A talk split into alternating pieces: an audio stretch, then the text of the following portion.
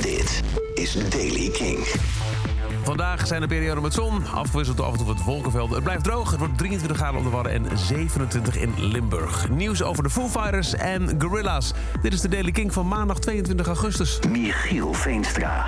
De gitaar die Dave Grohl bespeelt in de videoclip van Monkey Ranch... wordt volgende maand geveild. En dat gebeurt bij Gardner Hallgate in Corsham, Wiltshire. De witte Gretsch White Falcon gitaar moet zo'n 30.000 pond opbrengen. De 7 september gaat hij de hamer.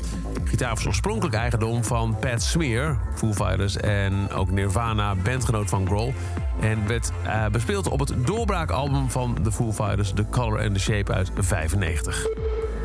De geruchten gingen al sinds 2020, maar onderhand werden ze ook al zo vaak weer gedismist dat niemand er eigenlijk echt meer in geloofde. Er zou een duet zijn gemaakt tussen Gorilla's en Tame Impala. Maar hij komt. Afgelopen weekend speelden Gorilla's op het Londense All Points East Festival. En daar hadden ze sowieso al een komen en gaan van gasten. Della Soul, Sean Ryder, Mos Def kwamen allemaal al langs.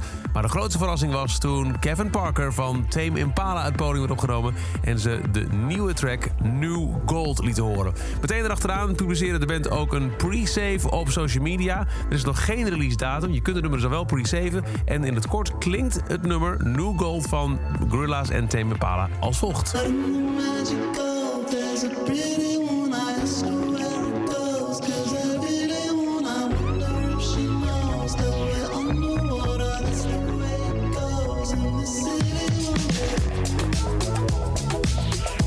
En dat is alles wat we nu hebben.